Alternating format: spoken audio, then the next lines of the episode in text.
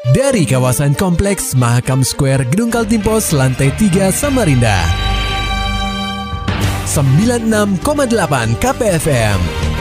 Kita akan ikuti program KP Flash News.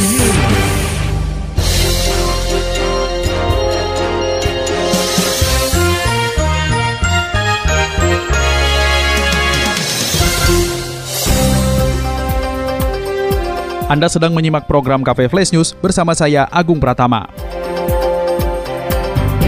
Berita utama.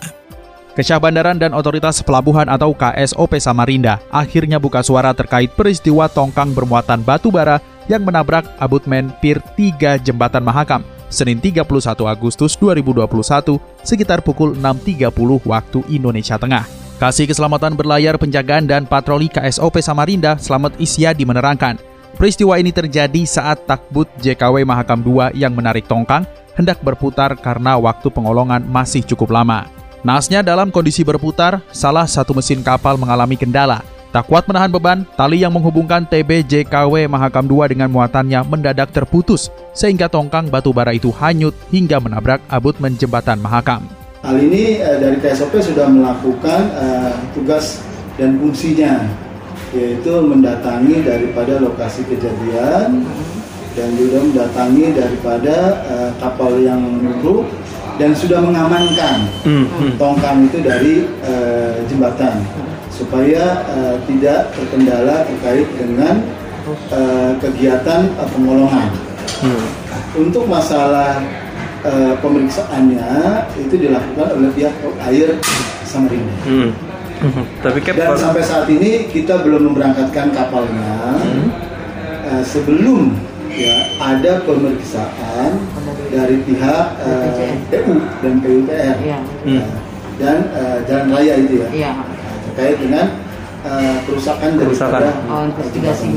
Sesuai standar operasional prosedur atau SOP, Selamat menjelaskan bahwa tempat labuh kapal untuk turun melakukan pengolongan harus menunggu antrian di sekitar jembatan Mahulu. Saat waktu menunjukkan pukul 7.00 waktu Indonesia Tengah, barulah mereka boleh memulai aktivitasnya.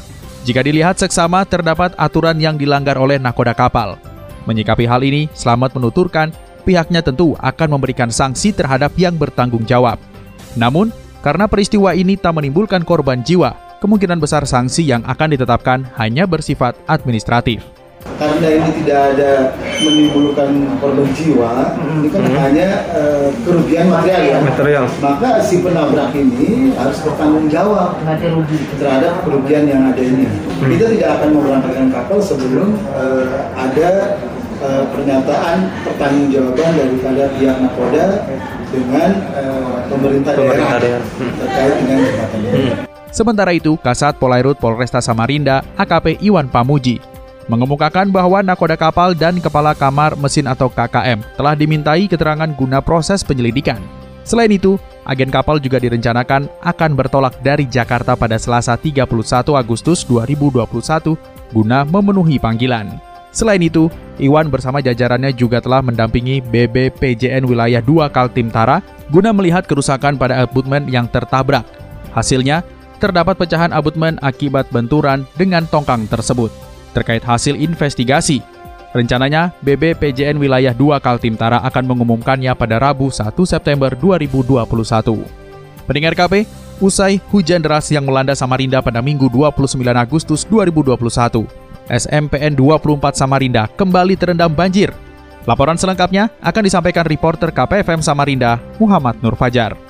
Tidak hanya merendam rumah warga, banjir yang terjadi di kota tepian pada Minggu 29 Agustus 2021 turut merendam fasilitas pendidikan, seperti halnya SMPN 24 Samarinda yang berlokasi di Jalan Suryanata, Gang Jelek Gafur, Kecamatan Samarinda Ulu.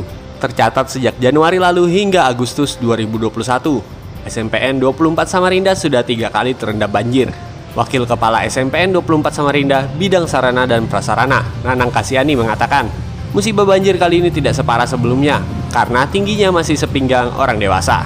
Iya, anu, tadi malam juga banjir di jam 7 itu. Oh jam 7 malam itu sudah mulai Iya, naik gitu pala. Iya, maghrib itu. Hmm. Iya, seben- Iya, sebentar aja hilang dia. Hmm, Jam jam setengah sembilan sudah turun dia. Sudah turun. Tapi ini kering. tapi sempat naik lagi tadi pagi. Enggak, Enggak sudah belah. Hmm. iya enggak. Tadi Ini- kan ada Hmm? bersih-bersih tadi itu. Imbas dari musibah banjir ini, buku tugas dari murid-muridnya tidak dapat digunakan lagi karena terendam air di saat buku tersebut tertinggal di meja. Tidak hanya merusak segala fasilitas, Nanang berujar sejak SMPN 24 Samarinda kerap terendam banjir. Jumlah peserta didik yang mendaftar di sekolah ini semakin menurun dibandingkan tahun sebelumnya. Jadi apalagi nih SMP kita ini, selama banjir ini dari 740 siswa, 200 yang enggak ada, 190 orang. Oh, anu kah Pak? Penurunan jumlah yang masuk kah Pak Iya. jadi Pak? Iya, karena banjir itu tadi, Oh, di Januari itu. hmm, hmm, hmm. ya iya karena orang mikir-mikir juga Pak lah. Iya, 191 enggak ada. Lebih lanjut, Nanang mengharapkan agar pemerintah bisa memberikan solusi terkait musibah banjir yang kerap merendam SMPN 24 Samarinda. Jika dipindahkan, dirinya ingin agar tempat yang disediakan lebih representatif. KPFM Samarinda, Muhammad Nur Fajar melaporkan. Pendengar KP dalam lawatannya ke Kaltim pada 24 Agustus 2021 lalu, Presiden Joko Widodo bukan hanya meresmikan tol Balikpapan Samarinda atau Balsam seksi 1 dan 5. Presiden Jokowi turut meninjau sodetan akses jalan menuju rencana Ibu Kota Negara atau IKN baru di Kaltim.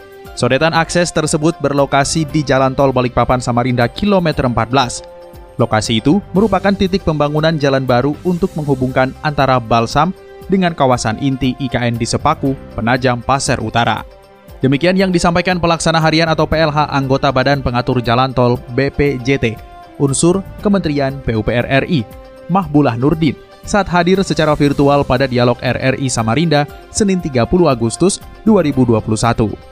Nurdin mengatakan saat ini pihaknya tengah melakukan persiapan pembangunan jalan tol tersebut, termasuk skema pembiayaan kegiatan konstruksi. Eh, persiapan-persiapan untuk itu sekarang sedang kita godok, sedang kita siapkan di pusat, di BPJT, termasuk juga trase-trase mana yang kira-kira optimum. Nah ini sebetulnya sedang kita eh, lakukan, kita kaji, jadi jangan sampai nanti pada saat eh, pembangunannya ah, banyak kendala-kendala yang eh, dihadapi. Ini juga sedang kita kaji dan kita insya Allah kita secepatnya akan kita eh, laksanakan dengan skema-skema tentunya ada beberapa skema yang akan dilakukan PLH anggota BPJT unsur Kementerian PUPR RI Mahbulah Nurdin menyebutkan, pihaknya juga telah mempersiapkan pembiayaan kegiatan konstruksi. Ada dua skema yang dipertimbangkan, menambah lingkup kerja PT Jasa Marga Balikpapan Samarinda maupun nantinya dilakukan oleh badan usaha baru. Sementara dari dunia olahraga pendengar KP atlet biliar Kaltim agendakan latihan bersama ke Bali. Laporan ini disampaikan reporter KPFM Samarinda, Maulani Al-Amin. Pengpro Persatuan Olahraga Biliar Seluruh Indonesia atau POPSI Kaltim ikut ambil bagian dalam pelaksanaan latihan bersama yang rencananya akan digelar pada September mendatang di Bali. Para atlet akan latihan bersama selama sepekan di Pulau Dewata, mulai 1 hingga 9 September 2021. Sekretaris Umum Popsi Kaltim Zulkarnain mengatakan, agenda ini diikuti lima daerah, yakni Yogyakarta, Kepulauan Riau, Jawa Timur, Bali, dan Kaltim. Pria yang akrab disapa Zul itu melanjutkan, Popsi Kaltim akan menurunkan full team yang akan berlaga pada Pekan Olahraga Nasional atau PON ke-20 di Papua. Dia mempertandingkan 16 nomor mulai dari full, bola 8, bola 9, bola 10, bola 15, single dan double. Terus ada putri juga, ada English biliar yang 100 100 poin sama 200 poin. Jadi kita dari 16 itu kita ikut 10 sesuai dengan nomor yang kita ikuti di PON.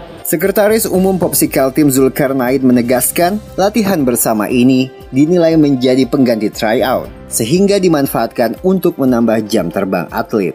KPFM Samarinda, Maulani Al-Amin, melaporkan. Maulani Alamin, Muhammad Nur Fajar, KPFM Samarinda. Serta dapatkan berita-berita selengkapnya di www.968kpfm.co.id. Demikian tadi telah kita simak rangkaian berita-berita yang terangkum dalam program KP Flash News. Persembahan dari 96,8 KPFM. Terima kasih dan sampai jumpa.